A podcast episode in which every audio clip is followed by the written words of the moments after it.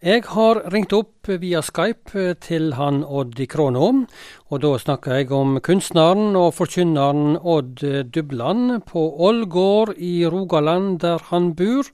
Ja, god dag, god dag, Inge. Jeg det her og venter på at du skal ringe. Og nå er du kalt meg opp på Skypen. Så uh, vi skal drøse litt i lag, du og meg. Det er ikke lenge siden sist. Ei veke. Jeg føler at vekene de fyker av gårde. Er det sånn for deg som pensjonist òg, eller? Ja, du vet at ei uke er sju dager, og det går voldsomt fort dette her, altså. Men det ble litt alvorlig for meg òg en dag at jeg tror vi bør nytte tida vår så godt vi kan, altså. For tida den går ifra oss. og Eh, men eh, nå er vi på denne radioen, du og meg, og vi har snakket mye sammen, du Inge, i, i flere år. Ja, det har, det har vi gjort i ganske mange år nå. Du sier nytta tida. Hva tenker du på da? Hva skal vi nytte tida til? Nei, altså eh, gjøre det gode, som det står i Bibelen. Det er viktig, det. Og så At det ikke vaser vekk alt med andre ting som ikke betyr så mye, altså. Ja. Men det er nå så. Men Det er kanskje litt flott å si det slik, men uh, verre når det skal praktiseres. Ja, det er vel igjen en utfordring for noen av hver av oss, akkurat det der, altså. Ja da, det er men det. Men en, en, nyttig påminning i, i, hverdagen, tenker jeg. Ja. Du, i dag eh, så har du sysla litt, eller før vi går på lufta nå, har du sysla litt med tanker rundt disse her tolv læresveinene som Jesus hadde rundt seg da han gikk her på jord. Eh, hvem var disse folkene her? Det skal vi drøse litt om i dag. Og Odd, eh, hva er det en sånn fellesnevner for disiplene eller læresveinene til Jesus? Hvem de var? Ja, Jeg vet ikke hva jeg skal si om det, altså, for de var på hver sin måte alle. Men en, eh, eh, de ble også kalt for disipler. Altså disippel, det betyr elev. Og vi, på nynorsk så skriver de læresvein, og det i, i dagens tid, eller i dag så heter det jo studenter eller elever eller lærlinger. Men de var altså elever av Jesus, og hvor gamle de var, det vet vi ikke om. Men det er ikke så urimelig at de kan ha vært rundt 20 år eller litt mer. Og eh, nå var det mange som var regna for Jesu læresveiner. Men så var det en gang at Jesus han gikk opp i fjellet for, og så ba han til Gud hele natta. Og dagen etterpå så kalte han mange av disse læresveinene til seg, og så valgte han ut tolv av dem uh, som ble kalt for apostler. Det var tolv stykker. Og uh, av disse tolv så var det uh, et par brødrepar.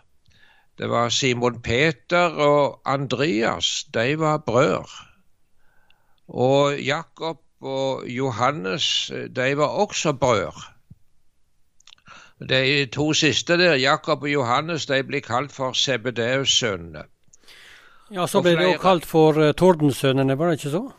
Jo, det, ja, men de, de, flere av disse her var fiskere. De drev nede med Genesaretsjøen, og Jesus kom forbi en gang der, og mange ganger forresten, og var ofte sammen med de der nede. Og så sier han det til disse her fiskerne. Eh, følg meg, så skal jeg gjøre dere til menneskefiskere. Og nå kan en lure på hvorfor Jesus valgte seg ut slike ulærde folk. Ja, hva, hva tenker du rundt det? Nei, altså, det er de som har vært inne på tanken at uh, Eh, hvis en ulært person får høre en historie som han skal fortelle videre, så forteller han det slik som han har hørt det. Hvis han er en lært person, så har han en tendens til å legge sine tolkninger i det før han forteller det videre. Kanskje det er litt i det. Disse var eh, var ulærde folk, noe fiskere, enkle mennesker. Og i Bibelen så får du også et bilde av dem. Det var, det var tre av dem forresten òg som kom til å stå Jesus ekstra nær. Ja, Hvem var, var de tre? Ja, det var Peter, Jakob og Johannes. Og den mest kjente av dem, han var nok Peter. Han, Peter snakket fort. Han tok ofte ordet og sa ting så Ja, litt Så jeg, det, han snakket litt fort. Og han var nok kanskje en litt veik person, for svake personer de uttaler seg ofte fort. Og Peter han ble flere ganger irettesett av Jesus. Og de, disse elevene de kom jammen inn i en tøff skole, Inge. Ja, det kan du virkelig si. altså. Det var litt ja, av hvert eh, de måtte eh, prøves på. Ja, det var en tøff skole. For eksempel så, så tok Jesus eh, til ord og sa det til, han, til deg at han måtte reise til Jerusalem. og og der skulle han lia mye og bli sleien i hæl, og tredje dagen skulle han stå opp. Han snakka om sin lidelse og død og oppstandelse. Hvordan reagerte disiplene eller læresveinene på dette her? Jo, for dette, dette, var jo en tale som Peter absolutt ikke forsto noen ting om. At, nei, nei. Uh, ja, og han begynte å tale Jesus til rette og sier det at Gud hjelpe deg, Herre, det må nå aldri hende deg. Og da er det Jesus snudde seg til Peter og sier, Vik bak meg, Satan. Du vil føre meg til fall. Du har ikke tanke for det som Gud vil, bare for det som mennesket vil. Så det var, det var tøffe tak, Inge. Så, men så er det òg eh, Jesus spurte en gang sine hvem sier det at jeg er. Og da er det nettopp denne Peter som sier du er Messias, den levende Guds sønn. Og Jesus tok, uh, sier det til Simon. Sæl er du, Simon, sønn til Jonah, for dette har ikke kjød og blod åpenbart for deg, men far min i himmelen. Du, han, han, han, Simon og Peter, det er samme mann? det? Ja, Simon, eh, Peter, Simon Peter, ja. Han ble også kalt for Kefas, men vi får bare kanskje kalle han Peter, kanskje, for det kjenner folk mest til. Og så var det to andre da. Det var Jakob og Johannes. De var brødre. Og de ble kalt for Tordensønene. Ja, ja, det ble de. Hvorfor det? Ja, nei, Jeg har bare tenkt som så at det var kanskje to som var voldsomt kraftige i uttalelsene sine. Eh, og kraftig språk og kraftige uttrykk. Og de hadde ei mor som var voldsomt ambisiøs på deres vegne. Hun ville at Jesus skulle prioritere dem voldsomt. Og dette falt jo ikke så god i jord sjøl de andre da. Men det er mange mødre som har store tanker om barna sine, og slik var hun.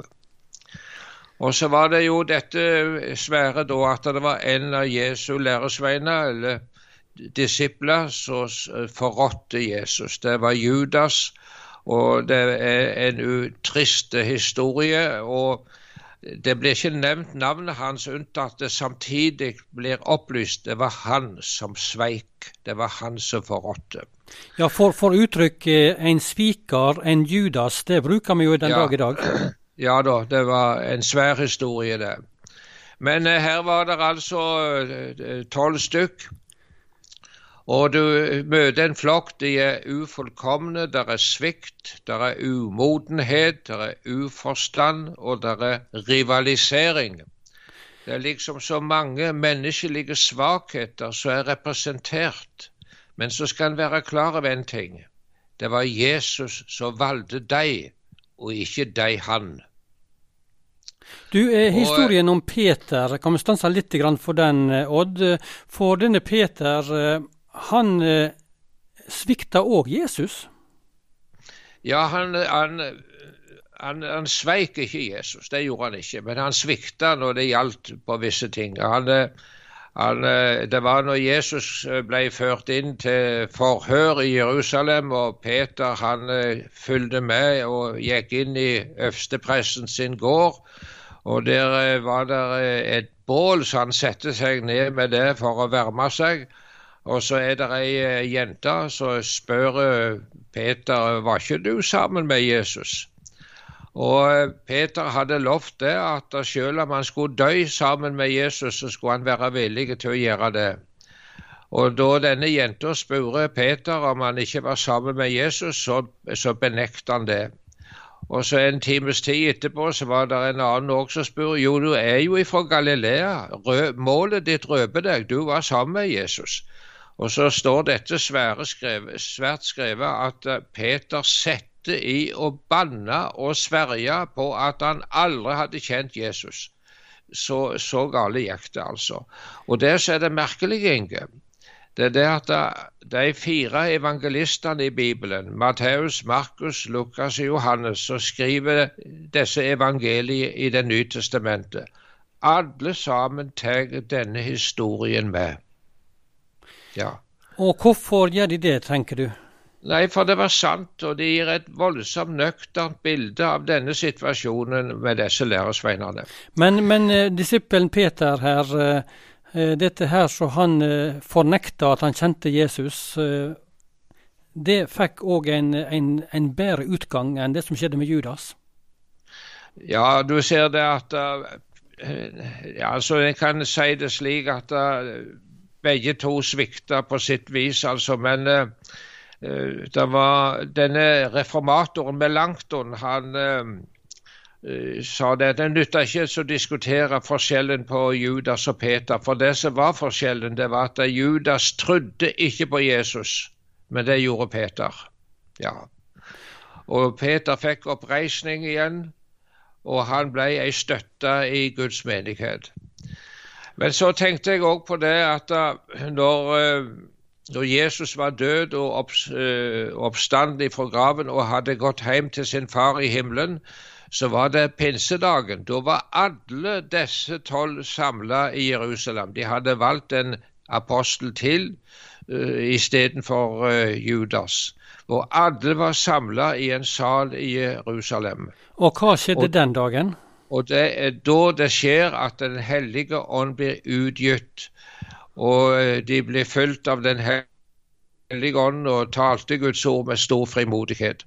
Og det som skjer med disse tolv, det er det at de blir så forvandla. De blir en frimodig flokk som er vitner om Jesu lidelse og død og oppstandelse. Og ingen makt på jord kunne ta ifra de det. Også i de stunder da de ble mishandla, de ble piska, så, det, altså står det beint fram skrevet det at de var glade for at de var holdt verdige til å lie for Jesu navns skyld. Det der forstår ikke mye, med av, Inge, vet du. Nei, dette det. er ikke så lett å forstå, altså. Men, eh, men dette med Den hellige ande òg er jo vanskelig å forstå, for anden ser vi ikke.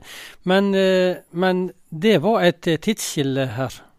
Et fullstendig tidsskille, altså. For du ser det at nå forså de det at det som hadde skjedd med Jesus, hans lidelse og død, det var noe som egentlig var forutbestemt av Gud i himmelen, det, at Jesus skulle bli ei soning for verdens synd, som Guds offerlam.